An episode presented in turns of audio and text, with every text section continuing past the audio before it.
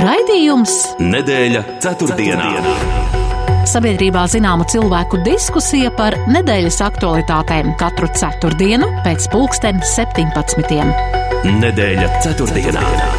Projektu finansē Mēdīju atbalsta fonds no Latvijas valsts budžeta līdzekļiem.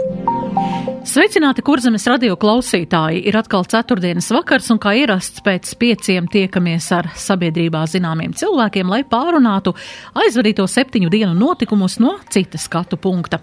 Un šajās dienās dzīvojam sarežģītos janvārim netipiskos laikapstākļos, arī infektologi pārsteigti par gripas sezonas pāragru iestāšanos. Jēkabpilī līdz rītdienas pēcpusdienai sarkanās kategorijas brīdinājums par plūdu risku, nopietnību, joprojām ārkārtīgi ārkārtas situācijas režīmā strādā neatliekamās medicīniskās palīdzības dienests un aptiekās trūkst medikamentu bērniem, konkrēti antibiotikas bērniem, kas izrādās arī rada papildus slogu stacionāriem. Ziemas sesiju uzsākusi 14. saima, un šodienas saimas izvērtēšanai ministru kabinetā nodeva vairāk nekā 10 tūkstošu pilsoņu kolektīvo iesniegumu par algu iesaldēšanu augstākajām valsts amatpersonām. Valdībai līdz 15. aprīlim jāiesniedz parlamentam ziņojums par izvērtējumu rezultātiem. Valdība strādā arī pie šā gada budžeta. Sagatavotais budžeta piedāvājums paredz lielāko daļu no jaunajām valdības prioritātēm paredzētā finansējuma atvēlēt valsts drošībai un ārpolitikai, un tie ir 402 miljoni eiro no paredzētajiem 710 miljoniem. Drošības joma šobrīd nenoliedzami ir augstākā prioritāte, tādēļ par to tiek daudz domāts, runāts un diskutēts. Televīzijas kanāls Dožģi pārsūdzēs Nacionālās elektronisko plašsaziņas līdzekļu padomes lēmumu atņemt mēdījām apraides atļauju.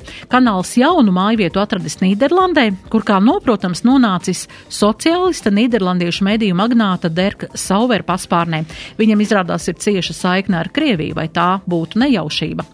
Ir jau gandrīz gads kopš dažādā veidā arī palīdzam bēgļiem no Ukrainas, kā arī Ukrainā dzīvojošiem cilvēkiem ziedojot nepieciešamās lietas, arī finanses, un ziedošana jau kļūsi par tādu ikdienišķu procesu. Cik bieži mēs izsakām uzsveram ziedojumu nozīmību un arī prioritāti. Un vēl šajā nedēļā Rīga, Rīgā tiek rīkoti 91. gada barikāžu atceres pasākumi. Par kādām no tematiem runāsim arī plašāk, un radījumā šonadēļ piedalās sabiedrībā pazīstami cilvēki, un tie ir Latvijas Universitātes sociālo zinātņu vadošais pētnieks Juris Rozenvalds. Labvakar! Labvakar. Un 14. saimnes deputāts jaunās vienotības politiķis Rihards Kozlovskis. Labvakar! Labvakar. Un ievadam man jautājums jums šāds. Šodien dzimšanas dienu svin mūsu maistro Raimons Pauls. Un saudabīga dāvana jubilāram tikusi no entomologa Daugopils Universitātes profesora Arvīda Barševska. Viņš komponista Raimonda Paula vārdā nosaucis Filipīnās jaunatklātu vaboļu sugu, un šī vaboļa tagad saucās Akronijā Paulsi Barševskis. Ļoti skaists nosaukums, un, eh, kā izrādās, šis entomologs ir devis vabolēm jaunatklātajām sugām jau agrāk nosaukumus, gan Jāņa Streiča vārdā, gan eh, Jāņa Stradiņa vārdā.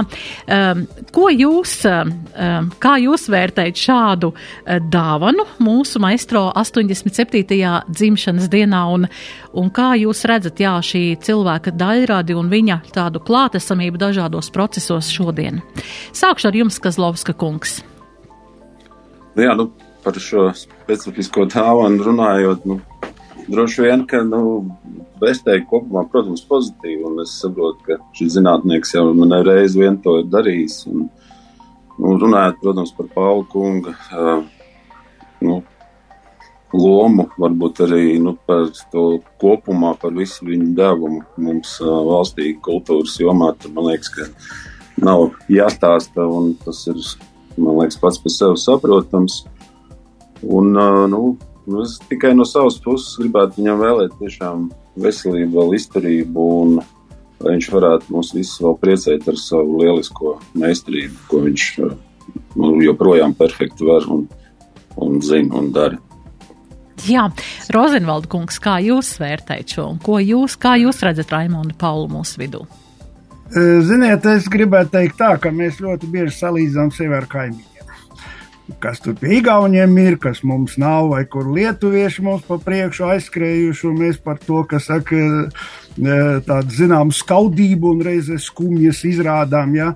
tad, lūk, es gribēju teikt, ka Raimons Pauls ir tāds fenomens, kura nav ne igauniem, ne lietuviešiem. Manuprāt, tā viņa loma pēdējo nu, gan nu, 50 gadu vairāk jau eh, mūsu kultūrā, tāda kā vienojošā faktora, ja, kur dziesmas, kas jau ir kļuvušas par, eh, nu, par daļu, eh, nu, es savā ziņā kļuvuši par savu veidu folkloru, ja, kurš, tad, kurš tad nezina Paula, daudzas Paula dziesmas un, un tā tā. Es domāju, ka, ka, ka viņš patiešām ir ir eh, tāda unikāla parādība. Un eh, nu, vienīgais, ko es varu noteikti viņam novēlēt, eh, tas ir turpināt būt tik apbrīnojami aktīvām kā tagad, jau šajā ļoti cienījamā vecumā, un, un viņš joprojām koncertē, joprojām raksta. Jā, tas, Nu, lai mums visiem būtu tāda, tādas, tāda enerģija un tādas spējas, un es ceru, ka viņš vēl, vēl ilgi uh, Eh, visus priecēs ar savām melodijām un ar savām saka, nu, muzikāliem darbiem, visdažādākiem. Ja? Un, un dziesmām ir īpaši, bet ne tikai. Man liekas, pēdējā laikā ļoti daudz, eh, ļoti daudz arī parādās tāda instrumentāla darba. Katrā ziņā, kas saka, eh, veselību un dzīves prieku. Un mums visiem prieku no tā.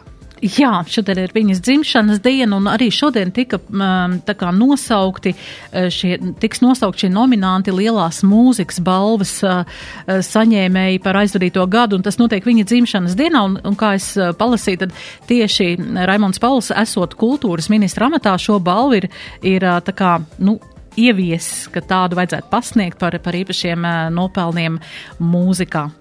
Jā, bet ja mēs runājam par citām lietām un daudz nopietnākām lietām, tad, proš, protams, prioritāšu prioritāte šodien mums ir drošība. Par to mēs ikdienu pārliecināmies, skatoties, kas notiek Ukrainā, kas vispār notiek pasaulē, un mēs vairāk un vairāk domājam par to, kā justies droši gan sev apkārt, gan valstī, gan varbūt arī starptautiski dažādos veidos, gan arī, kā mēs zinām, ir dažādi hibrīdu uzbrukumi, gan informatīvi, gan gan, kiberuzbrukumi mūsu, mūsu viedierīcēm. Bet uh, kāds ārpolitikas eksperts, uh, Saimnes ārlietu komisijas loceklis Ats Leņš, um, un, um, ir izteicies, ka uh, pēc PSRS sabrukuma un augstā kara beigām mēs tā kā vairāk esam uh, domājuši par to, kā uh, tieši atbruņoties šādu kampaņu viesuši, kur pretī uh, to absolūti nav darījusi, nu, tā kā Krievija, un šajā brīdī, nu, viņš paredz, ka nebūs nebūtu tik viegli uh, un nebūtu tik, um, ne, mēs nevarētu jūs justies tik stipri, ja tiešām Eiropai nāktos stāties pretī izaicinājumam, nu, piemēram, konfliktam militāram. Eh, kā jūs vērtējat šādu, šādu izteikumu, pie tam šādā laikā, nu, godīgi teikt, šādas informācijas eh, vienmēr, kad mēs lasam, ir tāda mazliet, eh, nu, tāda nedrošība, tā kā pārņem, pārņem un gribās dzirdēt kādu vēl uh, ekspertu, zinošu cilvēku viedokli, uh, vai tas tā ir un vai mēs varam, uh, nu, justies uh, droši un, un no šādas informācijas vienkārši paņemt to, ka uh, par to ir jādomā un ka, nu, nav tik traki. Sākšu ar jums, Kazlovska kungs atkal. Nu jā, nu, komentējot uh, kunga teikto par augsto, nu, par, teiksim, par augsto kara laiku un par PSRS sabrukumu un par to, ka mēs esam darījuši visu, lai atbruņotos. Domāju, ka nē, ka mēs darījām visu, lai mēs tiktu vaļā no PSRS karaspēka, ja, kas bija faktiski jau arī Latvijas PSR nu, nosacīta militārā balsta pamatā, ja, kas absolūti nav pieņemams mums līdz ar to savus bruņotos spēkus mēs veidojam no nulles, sākot ar neatkarības atgūšanu. Un uh, esam gājuši, protams, uh, soli pa solim uz priekšu. Un, nu, skaidrs, ka šodien mēs redzam, ka tie līdzekļi, kas tika veltīti, nav pietiekami tieši aizsardzības jomā, nekā vēl tā tagad prioritāte. Bet te pašā laikā tomēr mēs esam spējuši pierādīt, ka mēs varam iestāties NATO, kas ir šodien spēcīgākā militārā alianse, un esam arī spējīgi būt uzticami partneri, proti piedalāmies arī starptautiskajās misijās, ko es domāju šodien arī novērtē. Līdz ar to, manuprāt, ka esot, protams, NATO sastāvā mūs aizsargā šis NATO līgums, un es uh, teikšu no savas skatu punktu, manuprāt, ja tas tā nebūtu, mēs šodien nebūtu NATO. Es domāju, ka mēs būtu, var teikt, varētu būt pat pirmie, kas būtu saskārušies ar šo militāro agresiju. Un tas ir tas, kas attur. Nu, protams, ka mums ļoti daudz darām. Mēs zinām, šodien ir aktuāli gan visaptvarošais valsts eh, aizsardzības sistēma, gan arī obligātais valsts dienests. Tas uh, nozīmē to, ka mums vēl daudz darām. Mēs uz to ejam, un tā ir prioritāte tagad, bet es tomēr gribētu teikt, ka mēs pašlaik varam justies droši. Mēs varam, bet tas nenozīmē to, ka mēs varam justies pašapmierināti, proti, ka mēs esam visu izdarījuši. Jo skaidrs, ka mums jābūt arī spējīgiem pašiem stāties pretī, un tāpēc tas virziens, kas ir un ko mēs varam mācīties no Ukraiņas pieredzes, ka faktiski šodien tas nu, būtiskākais ir jā, augstās tehnoloģijas, precīzi ieroči, kas, protams, maksā. Līdz ar to un skaidrs, ka mums ir jāvirzās uz to un jāveido nevis varbūt kvantitāte, ko mēs vienkārši nevaram izdarīt salīdzinoši, kā mēs redzam ar Krieviju, bet mums ir jādara viss, lai mums būtu kvalitāte. Jā, Rozenvald kungs, kā jūs vērtējat šādu, šādas informācijas nonākšanu mēdījā? Es domāju, ka nu, pirmkārt, ja mēs runājam par Latvijas uh, aizsardzību, un, uh, tad uh, tas ir vienmēr mums jāpaļaujas uz kādu nu, uz uh, kolektīvu aizsardzību. Respektīvi, šajā ziņā nu, ir pilnīgi skaidrs, mēs varam apbruņoties līdz zobiem, bet uh, gan uh, iedzīvotāju skaita ziņā, nu, iespējamās teiksim, mobilizēto karavīru ziņā, gan teritorijas ziņā, nu, nu, mēs nevaram stāties tam milzīgām pārspēkam, kas ir austrumos. Tāpēc līdz ar to es pilnīgi piekrītu tam, kas tika teikts par NATO. Jā, paldies Dievam, ka mēs esam, mēs esam NATO un līdz ar to varam justies daudz, daudz drošāk. Un, uh, Bet reizē es gribētu piekrist uh, tam, ko teica Leņķa kungs vienā ziņā, uh, kā neapšaubām, un tā, tas tagad tiek publiski arī atzīts pēc, pēc komunismu sabrukuma, nu, tā nosacīt sākot pēc 89. gada un pēc tam pēc 91. kad sabruka Padomu Savienība. Eh, nu, tomēr ļoti daudziem likās, jā, nu, nevelti. Eh, tāds slavenais politologs eh, Francis Fukujama rakstīja par to vēstures galu, jā, par to, ka, nu, beidzot, liberālisms ir pilnībā uzvarējis, kā mēs redzam, tā tas nav noticis, jā, bet tas izpaudās arī militārajā ziņā, nu, kā daudzās nu, rietumu valstīs, nu, tomēr nu, bija zināms atslābums attiecībā. Nu, likās, nu, nu priekškām, jā, nu, varbūt, ka tik daudz nevajag. Jā. Nu, šajā ziņā ļoti labi tas parādās daudzās rietuvalstīs pašreiz arī sakarā ar ieroču piegādēm. Eh, piegādēm eh, Ukrainā, ja, kad nu, daudzas rietuvalsts sastopas ar to, ka nu, jā, jā, jāpārstartē jaunā līmenī eh, militārā rūpniecība. Un, acīm redzot, tie, tās cerības uz to, ka nu, tagad iestāsies tāds saka, vispārējais miers uz ļoti ilgiem laikiem. Nu, izrādījās mazliet, mazliet naivas. Ja? Bet šajā ziņā es domāju, ka šīs um, uh, Leņķa kunga um, teiktais ja, nu, nozīmē vienu. Mums ļoti nopietni jādomā, jādomā gan uh, gan attiecībā uz saka, mūsu bruņoto spēku kaujas spējām, uz dažādiem Tur es neesmu militārais speciālists, lai konkrēti par to spriestu, nu, par aizsardzības eh, dažādām sistēmām. Ja, eh, un reizē mums ir jādomā par to, kas stiprinātu mūsu sabiedrību. Tas ir ļoti svarīgi. Ja, jo, ja mēs runājam eh, par, par aizsardzību, tad ļoti svarīgi ir ne tikai tas, cik mums ir haubiču, bet par to, cik vienot mūsu sabiedrību. Un tas ir būtisks jautājums, par ko arī uz priekšu jādomā. Bet citādi es domāju, ka vēlreiz gribu teikt paldies, ka mēs esam NATO. Citādi es pilnīgi piekrītu Kazlauska kungam. Mēs eh, ļoti iespējams būtu kļūtu par, nu, kas saka, varbūt eh, pat Ukrainai pa priekšu. Jā, mēs tagad aiziesim mazā divu dažu minūšu pauzītē, eh, bet pēc tam parunāsim jā, tieši par šo iekšējo drošību. Nedēļa ceturtdienā.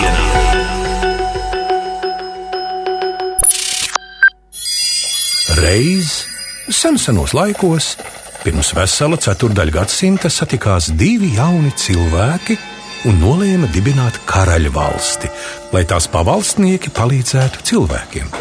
Karaļvalsts auga un pieņēmās spēkā, gluži kā pasakā. Tagad tajā dzīvo mūsdienīga sadzīves tehnika no visas pasaules. Tu taču zini, kur šī karaļvalsts atrodas? Rīgā, Dambja ielā 3A PTA.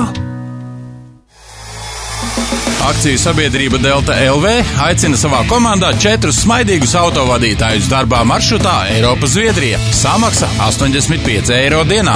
Uzņēmums nodrošina apmaksātu veselības apdrošināšanu, atvaļinājumu un pastāvīgu tehnisko atbalstu 24 stundas diennaktī, 7 dienas nedēļā. Darbs uz Eiro 6 Volvo vilcēja sakabē ar tenta puspiekabi. Elastīgs darba grafiks draudzīgā kolektīvā. Vairāk informācijas zvanot 25 66 00 88 vai ielūkojies www.deltlv.lv.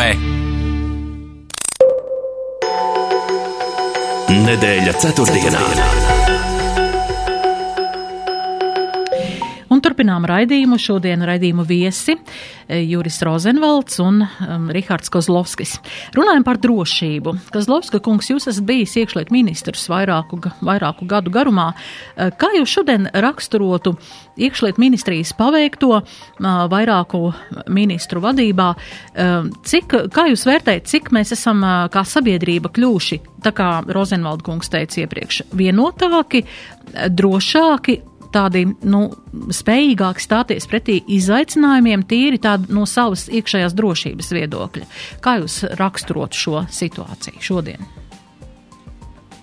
Nu jā, nu, laiks, kad es biju iekšlietu ministrs, faktiski mēs saskārāmies, ja mēs runājam par, nu, par krīzēm, ko mēs, ko mēs esam gājuši tagad cauri. Faktiski tajā laikā, laikam tāds kopējais Eiropas apdraudējums, tieši kad mēs sākām Latviju uzņēmās prezidentūru Eiropas Savienībā, faktiski bija terorismu vilnis.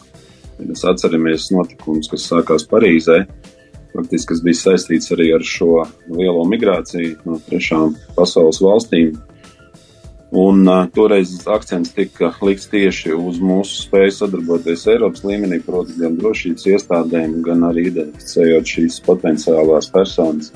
Savukārt, ja mēs runājam par tādām krīzēm, varbūt civilajām, tad nu, teiksim, tie bija plūdi. Tas bija tādas lokālas uh, krīzes un ar zināmu skaidru algoritmu viņu pārvarēšanu. Līdz ar to nu, pašlaik mēs esam saskārušies, kas bija pirmā, tā bija Covid krīze, jā, un tā, protams, bija pavisam cita mēroga, pasaules mēroga. Esam gājuši tam cauri, nu, daudz ir par to runāts, kā ir sanācis, kas ir bijis slikti, kas ir varbūt bijis labi. Nu, protams, arī Baltkrievijas spiediens uz nelegālo migrāciju un nenoliedzami arī pagājušā gada februāris, kad sākās Krievijas iebrukums. Līdz ar to tie ir pavisam citi izaicinājumi. Un, nu, mēs arī esam skaidri definējuši to, ka mēs redzam, jā, ka tieši mēs runājam par tādu iekšējo drošību, varbūt no katastrofu pārvaldības, no tādās civilās aizsardzības. Nu, ļoti daudz mums ir darāmā. Un tieši varbūt ne tik daudz kā normatīvu aktu izstrāde vai kaut kādu plānu zīmēšana, bet tieši tā sadarbība. Spēja sadarboties krīzes situācijā, un tas ir ļoti būtiski dienesta sadarbība un tāda krīzes uh, vadība. Proti, kas uh, es nedomāju par tādiem kaut kādiem krīžu centriem, kas tur ir aprīkot ar dažādām tehnoloģijām, bet tieši tas uh, manā skatījumā būtisks faktors ir tieši vadība, proti spēja koordinēt eh, ļoti daudz iestāžu, nozaru savstarpēju darbību. Un to parādīt tam, tas tika nodemonstrēts arī Covid krīzes laikā, tam mēs nebijām gatavi. Tā ir realitāte. Un tādēļ arī, manuprāt, nu, tagad ir ļoti būtiski, ir nu, jaunā valdība ir uzlikusi sev to kā vienu no prioritātēm arī civilās aizsardzības un šādu te attiecīgi mehānismu izveidi, kas būtu saprotams arī visiem iedzīvotājiem. Ja mēs runājam par tādu kopējo drošību, visaptverošo valsts aizsardzības sistēmu, nu, tad pamat būtība jau ir tāda, ka katrs Latvijas iedzīvotājs faktiski zina, kas viņam jādara un ko no viņa sagaida tādā krīzes situācijā, ja mēs runājam arī par, iespējamiem militāriem draudiem. Līdz ar to nu, es teikšu tā, ka šis, šie pēdējie vairāki gadi mums ir bijuši tādi krīzes pārvarēšanas gadi, bet nu, ir laiks ķerties arī klāt, jo dzīve nestāv un nāk viena krīze pēc otras izaicinājuma. Līdz ar to, manuprāt, viens no primārajiem uzdevumiem tiešām tagad ir izveidot šo mehānismu un attiecīgi, lai mēs varētu būt skaidri un droši par to, ka mūsu dienas spēs sadarboties ne tikai dienas bet arī mums, kā iedzīvotājiem, kas nav ietverti kādā no šīm sistēmām tiešā veidā, būtu skaidrs gan rīcības algoritms tieši un ko no viņa sagaida. Jā, man gan šķiet tā kā iedzīvotājam, uh, man šķiet, ka nu, mēs zinām, ka karš Ukrainā ir kopš 24. februāra aizvadītajā gadā, tūlīt ir gads apkārt. Um, vai tas bija saimas vēlēšanu gada ietekme vai kā, bet man šķiet, ka kaut kādi procesi tomēr ir bremzējušies, neskatoties to, uh, ka šis karš notika un ka tas ir netālu no mums un ka tomēr mums vajadzētu būt tā kā gataviem. Un man šķiet, ka diez vai sabiedrība īsti zina, kā vajadzētu rīkoties un kas būtu jādara tādā x stundā, vai katrs to zina. Eh, Rozenvald kungs, kā jūs komentētu šo? Eh, nu, es vispirms varu eh, piekrist tam, ko jūs tikko teicāt. Jā, kā parastais, nu, skatoties no tāda parastā iedzīvotāja viedokļa, nu, es nevaru teikt, ka man būtu Uh, nu, daudz lielāka skaidrība par to, kas man noteiktos gadījumos jādara. Jā, bet nu, es arī nevaru noliegt, es esmu dzirdējis par to, kā ir uh, mēģinājumi šajā ziņā, bet, nu, var teikt, līdz manai mājai skultē tie nav īpaši uh, nonākuši. Bet es gribētu vēl divām nu, tādām saistībām ar drošību pievērsties divām lietām. Jā. Nu, Pirmkārt, turpinot to, to, to tēmu, ko mēs esam iesākuši, zinām atslābumu, kas iestājās pēc 89. un 91. gada. Ne tikai pie mums, bet visur. Bet pie mums tas izpaudās arī tādā ziņā, ka pat no tā Eh, daudz kas bija, eh, eh, kas varēja tikt izmantots no, no padomu laikiem. Jā. Nu, diemžēl ir aizgājis, kas saka, nu, savā ziņā nebūtībā. Es runāju par to, ka padomu laikā bija nu, šī civilās aizsardzības tāda vairāk vai mazāk sistēma. Jā. Un viena sastāvdaļa bija nu, tās patvērtnes, jā, kur varētu gadījumā, nu, kad toreiz bija vēl par to bailes no kodola kara, 60. gadi, 70. gadu pats sākums Nu, es spriežu, nebūdams speciālists šajā jomā, es spriežu pēc eh, tās informācijas, kas pieejama medijos. Jā, nu, ka visam Rīgā bija 20 patvērsmes, tagad ir palikušas 4, jā, un tās 4 arī ir faktiski tiek izmantotas uz tādu, eh, uz līguma pamatu. Līdz ar to ir problēma, piemēram, tā pašā Kīvā eh, un citās lielās Ukraiņas pilsētās, no savā ziņā glābiņš ir metro. Eh, nu, Rīgā, kā zināms, nav metro, eh, Tallinā nav, Viļņā nav, bet tur ir tā pati problēma. Un šajā ziņā, cik es varu arī spriest pēc eh, tādiem atklātiem avotiem, ja, nu, piemēram, Igaunijā bija tikko informācija, ka viņi jau izliek kas saka, informāciju par to, kur vistuvākā patvērsme varētu būt. No nu, Rīgā es pagaidām, un Latvijā citās pilsētās neesmu manījis. Nu, varbūt es, es kļūdos. Tas ir pirmais. Un otrais, ko es gribētu teikt, ka patiešām, ja mēs runājam par drošību, tas ir ļoti komplekss un, manuprāt, ļoti pamatot arī tajās publikācijās, kas ir veltīti visaptverošās valsts aizsardzības sistēmas jautājumiem. Jā, tas tiek pasvītrots, ka tas ir sadarbības ar dažādām, dažādiem dienestiem, dažādām ministrijām, kas ir ļoti svarīgi, par ko es, nespeciāls, neņemos spriest, bet es par vienu aspektu gribētu pateikt. Manuprāt, arī karš Ukrainā un viss, kas ar to ir saistīts saistīts, ir parādīts, cik milzīga loma mūsdienu pasauli informācijas apritē. Mēs, varam, mēs redzam pašreiz uz Krievijas piemēra, kā var apdullināt, es lietot šādus vārdus, veselu, kas saka, nāciju, jā, kur tomēr vairākums atbalsta un saka, jā, pareizi, un ja viņam saka, par ko tad viņa, viņi satraucās, viņi satraucās iespējams par mobilizāciju, bet nevis par to, kas notika Ukrainā. Jā. Tad, lūk, ņemot vērā šo informācijas apriti, manuprāt, ir ļoti svarīgi, ka viena no svarīgiem drošības priekšnoteikumiem nodrošināt komunikāciju starp valsti un visām sabiedrības grupām. Un šajā ziņā man liekas, ka tas, kas notiek pēdējā laikā, ja mēs vienu daļu sabiedrības, nu, zināmā mērā, nu, es teiktu tā maigi, samazinām tās iespējas valstī komunicēt. Manuprāt, šajā ziņā pie visām tām ļoti svarīgām lietām, kas ir, protams, latviešu valoda un vispārējais par to nav diskusija. Ja? Tā ir pašā laikā šie komunikācijas kanāli ar tiem, kuri mājās nerunā latviešu, ir ārkārtīgi svarīgi. Un, manuprāt, tā ir pašreiz viena joma, kur mēs paši radām, varbūt, nu, mēs paši, es domāju, identificējot sevi ar Latvijas valsti, radām, nu, kas saka, nevajadzīgus riskus. Un, manuprāt, tā ir joma, kur ļoti nopietni vēl būtu jāpārdomā, cik tādu to pilnīgi saprotamu cenšanos uz latviešu valodas lomas nostiprināšanu mēs varam, nu, zināmā mērā balansēt ar to, ka šajā ziņā Tad, kad ir riska situācijas, tad, kad ir krīzes situācijas, tad jautājums nav par to, vai viņiem jāmācās vai nav jāmācās, bet par to, lai viņus informētu un lai viņus ietekmētu, lai mēs varētu tomēr, nu, kas saka, uh, savā ziņā iedarboties uz viņu prātiem, uz viņu jūtām, cik nu tas ir iespējams. Jā, ņemot vērā, ka tas ir daudzos gadījumos, diemžēl, ir ierobežots. Jā, Runājot arī sabiedrībā par šādiem jautājumiem, kādreiz kādās eh, satikšanās vietās paceļot jautājumu par sabiedrību, ziniet, ir, ir bieži tāds priekšlikums, ka mēs labprāt kaut kur sanākt kopā un noklausītos kaut kādu kursu. Ko mums darīt, jā? Vai tas ir pensionāriem, vai tas ir jaunajām māmiņām, vai tas ir darba kolektīvos, bet uh, tieši kaut kādā veidā organizēt to, kā praktiski tīri, kā man, uh, kur, kur iet, ko darīt, ko meklēt, kam zvanīt. Mēs zinām, šajā pirmdienā arī uz laiku mums pazuda visiem šie mobilie sakari, ja pazuda internets. Uh, Šodien arī es lasu agrīnās brīdināšanas paziņojumu, nāks uz mobilo tālruni. Nu, ir, ir paredzēts, ja ir saimā par to runāts, ja un uh, atbalstīts šāds um, likums, ja šajā civilās aizsardzības un katastrofas pārvaldīšanas likums. Bet uh, mums ir jārēķinās, ka mums ir, nu, ka mobīlie sakari patiesībā viņi jau nemaz nav tik ļoti kaut kas. Uh, noturīgs nu, pret uzbrukumiem. Atliek kaut kādās vietās, pareizajās kaut ko atvienot, un nu, mēs esam bez sakariem.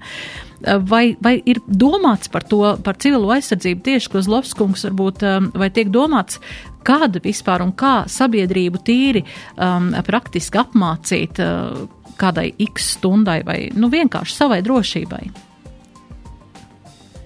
Jā, es varbūt sākšu jā, tieši ar šo sadaļu, ko jūs minējāt par šo iespējamo semināru organizēšanu. Jā. Nu, tā, faktiski tas ir tas jautājums, kas skar šo civilo aizsardzību. Un uh, pilnīgi noteikti var pateikt, ka, diemžēl, ja mēs runājam kopumā par Latviju un arī par uh, pašvaldībām, tad ir pašvaldības, kurās ir pietiekami spēcīga šī civilās aizsardzības sistēma Savukārt ir, diemžēl, pašvaldības, kurās faktiski pat eh, vai nu nav viņas kā tādas, vai arī kāds, eh, vai tas cilvēks, kas atbild par šo jomu, faktiski to dara amata savienošanas, eh, kā saka, kopā ar kādu citu amatu, viņam šis amats nav pienākums kā pamata lieta.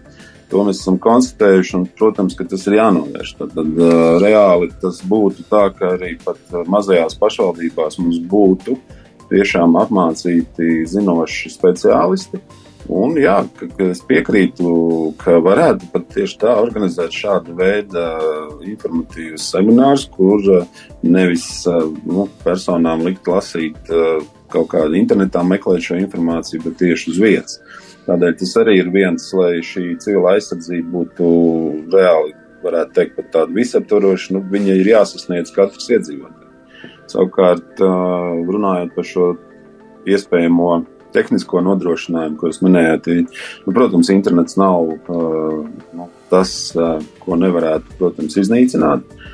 Bet nu, šodien tas ir kā faktiski pašlaik kā viens no pirmajiem. Jā, nu, reāli iekšlietu ministrija, es zinu to, ka beidzot ir saskaņots Eiropas Savienības finansējums potenciālais, kas um, tiks um, investēts, lai izveidotu šūnu apraidi, proti, uh, lai šie paziņojumi, kā mēs zinām, kas varbūt nebija īpaši veiksmīgi, kad bija mēģinājums apziņot, tomēr šīs sistēmas nespēja noturēt to apjomu un līdz ar to arī nobruka. Bet uh, nu, realitāte tāda, ka nu, nekur neviens nav atcēlis tas pats radio, tāpat televīzija un gala rezultātā, protams, operatīvie dienesti kuri nu, reāli tad arī sadarbībā ar šiem civilās aizsardzības mehānismiem pašvaldībās nodrošināt fizisku, tiešām nu, reāli braukšanu pa ielām ar skaļruņiem. Nu, tas jau ir tāds galējais variants. Ja. Tā kā, nu, tās ir tās lietas, pie kā jāstrādā. Tieši runājot par to, ka es redzu, ka problemātika ir tieši tajās nu, mazajās pašvaldībās, kur pilnīgi noteikti iztrūks šis elements. Vai runa ir tikai par mazajām pašvaldībām, vai, piemēram, Rīgā, vai, vai cilvēki, nu, mums Rīga ir puse no visas sabiedrības dzīvo Rīgā. Vai viņiem, domājat, ir skaidrs, ko darīt X stundā? Ne, nu redzat, skaidrs, ka mēs aizskāra kolēģis arī Rozlāna Kungs aizskāra šo bumbu patvērsmu saucamo jautājumu, kas arī ir cilāts. Uh, padomu laikā, jā, tā, tā sistēma bija, bet nu, pilnīgi noteikti var pateikt, ka viņa nenodrošina ļoti niecīgu procentu nodrošinātu ar šo aizsardzību. Potenciāli šodien, ja mēs runājam par Rīgu, kā jūs pareizi sakat, pusi no Latvijas, tad pilnīgi noteikti nav. Nu, jā, metro mēs neuzcēlām, kas redzam, ka tiešām tas ir nu, Ukrainā sekmīgi Kīvā, tas tiek izmantots kā kā nu, iespēja glābt cilvēkus un paturēties no uzbrukumiem. Nu, savā laikā, es, es pareizi atceros, Rubiks mēģināja būvēt metro. Nu, mēs, laikam, tomēr tauta noraidīja šo ideju. Mēs esam bez metro, un līdz ar to mums jānavadās no tā, kas mums ir. Un skaidrs, ka nu, šodien man nav jums konkrēta atbilde, kur doties tieši katram konkrētam cilvēkam, bet tas ir šis uh, uzdevums, uh, kas nu, ir jāizstrādā, proti skaidrs, ka jābūt ir apziņošanai un uh, attiecīgi arī skaidrībai, kur uh, cilvēki var patvērties, ja mēs runājam par Rīgu kā tādu, ja tas tiešām nonāk līdz militāram apdraudējumam. Es gribēju teikt, ka vairāk varbūt nevis uh, to, ka man tikai problēma mazajās pašvaldībās, bet tas ir, ko, kā es teicu, ko mēs konstatējam, ka tur nav uh, reāli arī faktiski izpratni pat uh, par dienas sadarbības līmeni. Ja, nerunājot, ko šodien arī mēs uh, pārunājām, ka problēma ir tāda, ka mēs runājam, ka nav skaidrs iedzīvotājiem, ja viņa loma un, teiksim, viņa uh, iespējas un rīcības algoritmus tādās situācijās. Tad es gribu teikt, ka tā problēma tādās pašvaldībās, kur šim nav pievērsts pietiekami piet, nu, nav pievērsta pietiekama uzmanība, ir problemātika jau dienestos. To mēs redzam arī, teiksim, koordinējot tos pašus bēgļu, izmi, Ukraiņas bēgļu iznīcināšanas jautājumus. Faktiski mēs mācāmies no tādas, saskaroties ar šo problēmu, izējot tai cauri, mēs iegūstam pieredzi un tad jau mēs varam izdarīt secinājumus. Nu, tas, ko es gribu teikt, protams, ka nu, mums jādara viss, nu, ir šī traģēdija Ukrainā, bet nu, mums ir jāpārņem uh, nu, jāpārņem viņa labākā pieredze arī civilajā aizsardzībā. Līdz ar to es esmu pārliecināts, ka mums sadarbība ar dienestiem, ar Ukraiņas kolēģiem ir pietiekami laba. Un tas, kas notiek Ukrajinā, tas faktiski šodienas spogulis tam, kas var notikt arī citā valstī. Jā, man bija svarīgi arī dzirdēt to, vai, vai, vai par to tiek domāts. Jo, jo viens ir tas, par ko mēs, ko mēs secinām, bet vai tiek domāts un kaut kas jau domāts, kā ieviest, nekavējoties, kādus procesus jau uzsākt, lai sabiedrība būtu izglītota um, x stundai, ko mēs negribam sagaidīt, bet kas nevaram to zināt, ka mēs arī varam to, um, nevaram paļauties, ka varam nesagaidīt. Jā, mums ir maza reklāmas pauzīte, un pēc tam turpināsim sabiedrībā zināmu cilvēku diskusija par nedēļas aktualitātēm. Nedēļa ceturtdienā. ceturtdienā. Ja domā, ka proti iepirkties izdevīgi, šī reklāma ir tev. Arī profesionāls pircējs kā tu var sajaukt zemu cenu ar lielu, jo lielā vispirms palielinās, un tad piekarina sev atlaidi. Kā neļaut sevi apmānīt? Brauc uz veikalu noliktavu depo un uzzini, kā izskatās tiešām zemas cenas katru dienu. Nedēļa ceturtdienā. ceturtdienā. Nedēļas ceturtdienā radījuma viesi Rihards Kozlovskis un Juris Rozenvalds. Jā, um, nenoliedzami drošības uh, pamats ir arī informācija, pareizi informāciju uh, saņemt, uh, uzticam informāciju, nodrošināt arī mēdījiem un visiem, kas to izplata, un mēs zinām, ka piedzīvojām, kas notika ar uh, šo te uh, televīzijas kanālu Dožģi.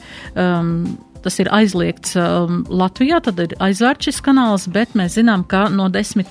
janvāra uh, telekanālam ir atvērta Nīderlande un kāds uzņēmums, par ko šodien arī sociālajos tīklos parādījās informācija, ka šī, uh, šī mm, uh, uzņēmuma, kurš ir kā, pieņēmis šo Dožģa kanālu un, un atvēris uzņēmumu vadībā, ir kāds cilvēks, kam ir tieši sakars ar Krieviju un uh, ne tajā labākajā nozīmē.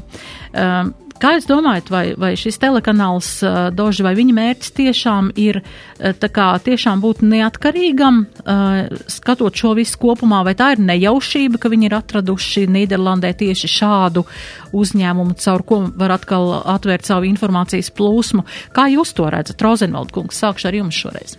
Nu, es neko nezinu par šo uzņēmumu. Es uzreiz gribētu teikt, un tāpēc es varu vienīgais pateikt par došu pietiekami, nu, kas saka, abstrakti. Ja? Nu, Pirmkārt, ja mēs runājam, nu, redziet, ja mēs uzdodam jautājumu par draudiem Latvijas drošībai, ja, tad es nu, katrā ziņā gribētu teikt, vai nu cilvēki neskatās to, ko Dožģa raida ko, kopā. Jā, nu, es nerunāju, uzreiz teikšu, jā, lai, ir pilnīgi skaidra mana pozīcija. Dožģa ir pārkāpis Latvijas likumu. Tas ir par to nav šaubu. Ja? Bet nākamais jautājums ir par to, vai reakcija bija adekvāta. Un tas, manuprāt, atcerēsimies pagātni, kad Nepilpa, eh, teiksim, draudēja ar pirkstiņu tur pirmajam kanālam vai kam tur eh, RTV, ja, un slēdza šos kanālus, aizliedza apraidi, teiksim, uz vienu, diviem mēnešiem vai kā citādi. Es te detaļas var, detaļās var kļūdīties. Ja? Kāpēc šajā gadījumā tas nebija izdarīts? Ja? Nu, manuprāt, tas būtu pietiekami labi nodemonstrējis Latvijas pozīciju no vienas puses oficiālo struktūru un no otras puses ne, neaizgriezt. Līdz ar to, un manuprāt, tad, kad runā par Latvijas drošību, nu, tad, piemēram, es ar lielu nepacietību gaidu, ka valsts drošības dienas beidzot atbildēs uz to, vai Latvijas drošību apdraud tie divies uzvārdus, neatceros, Krievijas Krievijas oligarhi, kuriem simtprocentīgi pieder rērrūpnīca Rīgā, ja, bet kuri izrādās, tāpēc, ka viņi nav sankciju sarakstā, neapdraud Latvijas drošību. Ziniet, nu, tas ir mazliet dīvains, dīvains uh, secinājums. Ja. Un kopumā, manuprāt, objektīvi, uh, neskatoties uz visām došu kļūdām, mēs esam ieinteresēti lai uh, mēs, es domāju, vispār rietumi kopumā pieskaisam, esam ieinteresēti, lai tāda došķa pastāvētu. Ja? ja mēs ņemam kompleksi, ja mēs reāli skatāmies, nevis tikai dzirdam, ja, nu, ka ir kaut kāds tāds došs, bet kas tas ir, es nezinu. Ja? Nu, tā kā bija padomu laikā, ja es, es kas saka, pasternāk neesmu lasījis, bet zinu, ka viņš nav mūsu cilvēks. Ja? Tad, lūk, šajā gadījumā es gribētu teikt, ka zināmā mērā redzēsim, kā lems tiesa. Ja? Uh, To, tas būs zināms pēc kāda laika, bet tas, kā Došs dabūja šo licenci Nīderlandē, manuprāt, kopumā ir tas pozitīvs risinājums, kas zināmā mērā varbūt to, manuprāt, tomēr neveiklo situāciju, kāda nonāca Latvijā, nu, zināmā mērā atrisina. Un tālāk jau mierīgā atmosfērā var varbūt tā tiesa lems, vai tas bija pamatoti vai nepamatoti, ja, eh, lai viņi raida, jo, eh, jo katrā ziņā eh, došu pazušana no, no ētera pilnībā es nedomāju, ka būtu, būtu interesanti, tāpēc, ka došu tomēr pietiekami objektīvi un korekti informē Nu, ja mēs runājam šajā gadījumā Krievijas sabiedrību, tie, kas var to kanālu klausīties, skatīties, ja, par um, Eh, par eh, gan notikumiem Ukrajinā, gan par, eh, nu, vispār par to, kas notiek Krievijā un kas notiek, notiek pasaulē. Ja. Līdz ar to es nedomāju, ka mūsu interesēs būtu, ja doši vispār pazustu no, saka, no zemes virsmas un no, no ētera kā, kā tāda. tāda nu, tā man šķiet, bet kas attiecās uz to, uz to, to Nīderlandes to uzņēmēju, to mediju magnātu, es neko pateikt nevaru, es nezinu. Bet nu, katrā ziņā es ļoti šaubos, ka, eh, ka te ir kaut kāda ziniet, eh, garā, roka no eh, federālā drošības dienas vai kaut kā tam līdzīga. Es tam negribētu piekrist. Jā, Kozlovskungs, jūsu viedoklis par šo? Jā, es domāju, ka pilnīgi piekrītu. Nu, ir pārsūdzēts šis lēmums. Tiesa to vērtēs, vai viņš bija samērīgs attiecīgi un atbilstoši situācijai.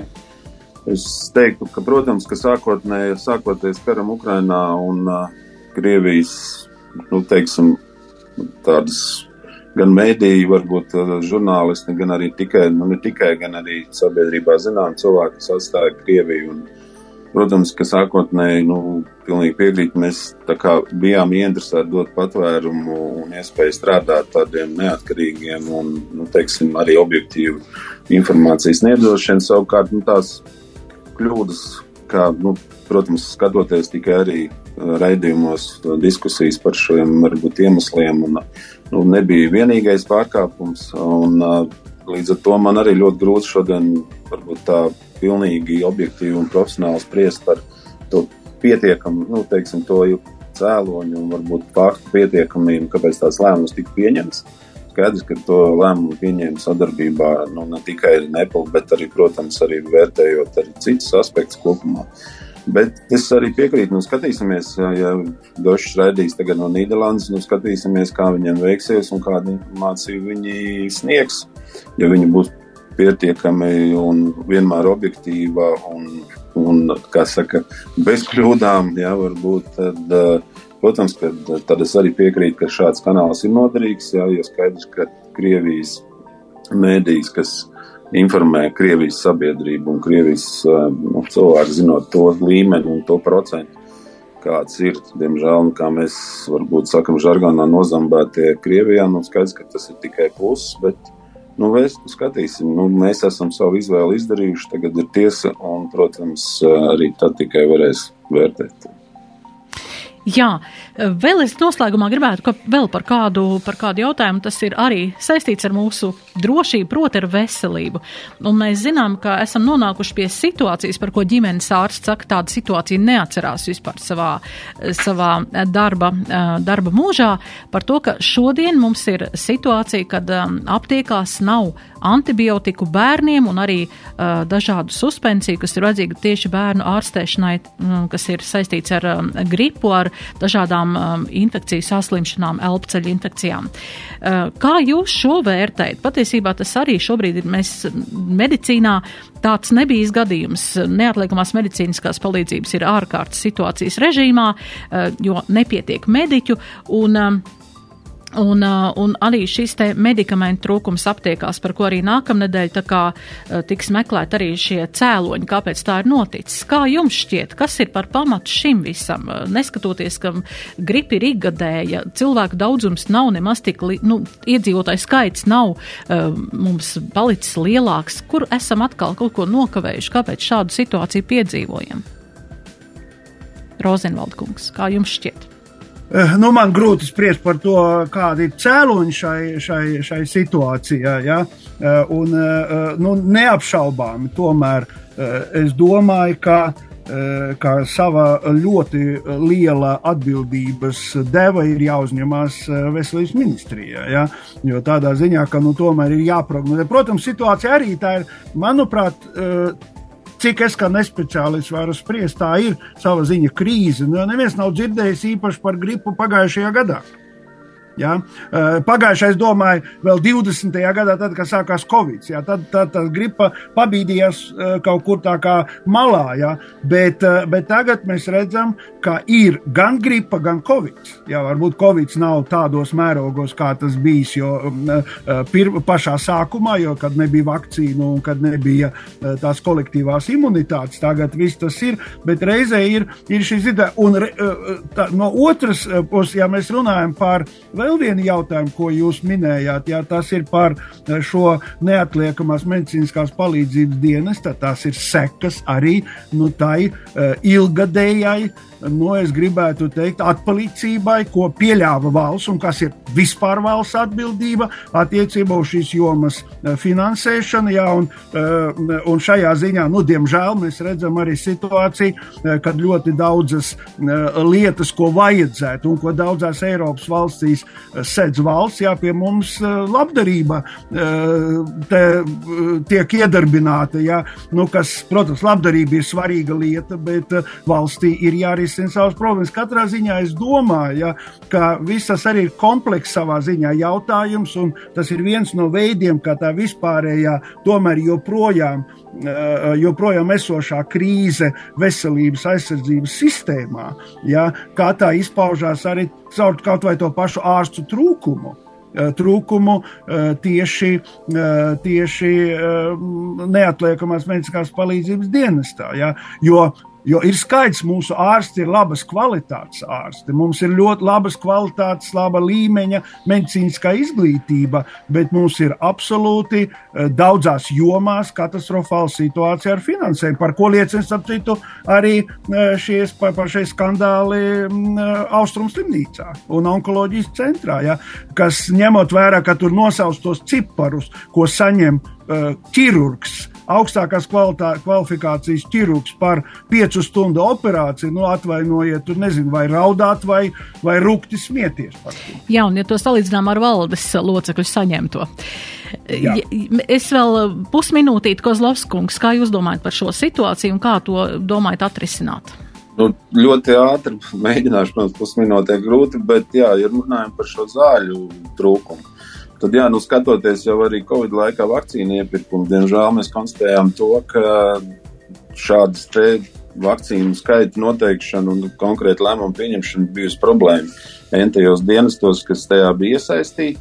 Savukārt, attiecībā uz gripu ir jābūt skaidram, ir skaidrs algoritms, ir skaidrs dienesti, kas par to atbild. Tas pat nav politiķu līmenī, kur būtu jāiejaucās. Un es domāju, ka nekad nebūtu bijis tā, ka būtu atteikts finansējums, ja būtu teikts, ka vajag papildus iegādāties konkrēti zāles. Tas, es saprotu, būs tiks vērtēts, es domāju, ka tas nav. Runājot par šo faktiski situāciju, krīzes situāciju ar personālu, nu, tā ir tā realitāte, jā, ir izdegšana.